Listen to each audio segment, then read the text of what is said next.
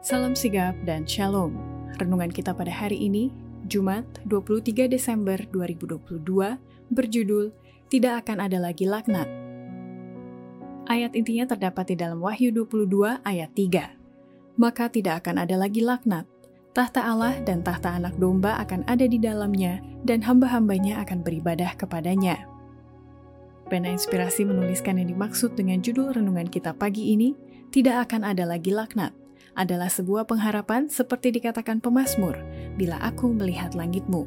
Dan makanya mulai kini, kita harus senantiasa datang menghampiri tahta kasih karunia Allah dan mengalami kasihnya yang tiada bandingnya itu adalah sebagai berikut. Pertama, alasan Yohanes menuliskan tidak akan ada lagi laknat di surga karena sebelum kedatangannya di awan-awan, ketujuh laknat yang terjadi di bumi saat itu merupakan hukuman Allah bagi orang-orang jahat yang membantai orang-orang saleh. Saya melihat bahwa empat malaikat itu akan menahan keempat angin itu sampai pekerjaan Yesus dalam bait suci selesai. Baru kemudian datanglah ketujuh laknat yang terakhir itu. Laknat-laknat ini membangkitkan amarah orang-orang jahat terhadap orang-orang benar. Mereka mengira bahwa kita yang mendatangkan hukuman Allah ke atas mereka, sehingga sekiranya mereka membersihkan bumi dengan menyingkirkan kita, maka laknat itu akan berhenti. Suatu perintah untuk membantai orang-orang saleh dikeluarkan, yang menyebabkan mereka berseru siang dan malam meminta kelepasan.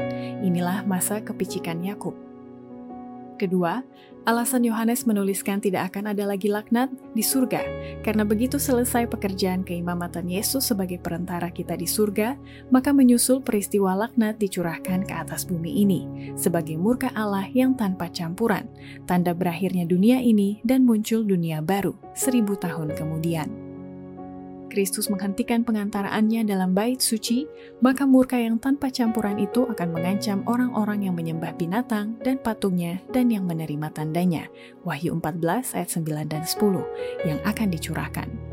Laknat terhadap Mesir ketika Allah hendak melepaskan Israel sama sifatnya dengan penghukuman mengerikan yang lebih meluas akan berlaku di atas dunia sebelum kelepasan terakhir umat Allah. Dengan menuduh umat Allah sampai mati, mereka betul-betul telah mendatangkan kesalahan dari darah mereka, seakan-akan darah itu ditumpahkan oleh tangan mereka. Ketiga, alasan Yohanes menuliskan tidak akan ada lagi laknat di surga menunjukkan bahwa sebelum pintu kasihan ditutup, peristiwa munculnya laknat itu bersifat lokal dan tidak menyeluruh di muka bumi ini.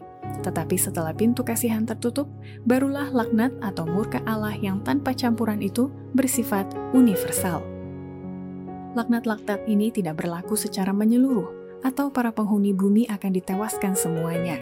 Namun inilah bencana yang paling mengerikan yang pernah diketahui oleh manusia yang fana. Semua penghukuman terhadap manusia yang terjadi sebelum pintu kasihan ditutup bercampur dengan rahmat. Darah Kristus yang memohon itu telah melindungi orang berdosa dari menerima balasan yang setimpal dengan kesalahannya.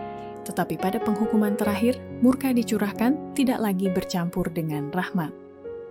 Keempat, alasan Yohanes menuliskan tidak akan ada lagi laknat di surga memberi gambaran peristiwa kesengsaraan yang mengerikan saat itu – Makanya orang-orang saling mempersalahkan satu sama lain, dan seakan-akan kemunculan laknat itu adalah akibat kesalahan yang telah mereka lakukan. Banyak dari orang-orang jahat ini menjadi sangat marah ketika mereka merasakan akibat-akibat laknat tersebut. Ini suatu pemandangan kesengsaraan yang mengerikan. Dengan getir, orang-orang tua mempersalahkan anak-anak mereka, dan anak-anak mempersalahkan orang tuanya. Yang sulung mempersalahkan yang bungsu, dan yang bungsu mempersalahkan yang sulung. Demikianlah renungan kita pada hari ini. Kiranya Tuhan memberkati kita semua.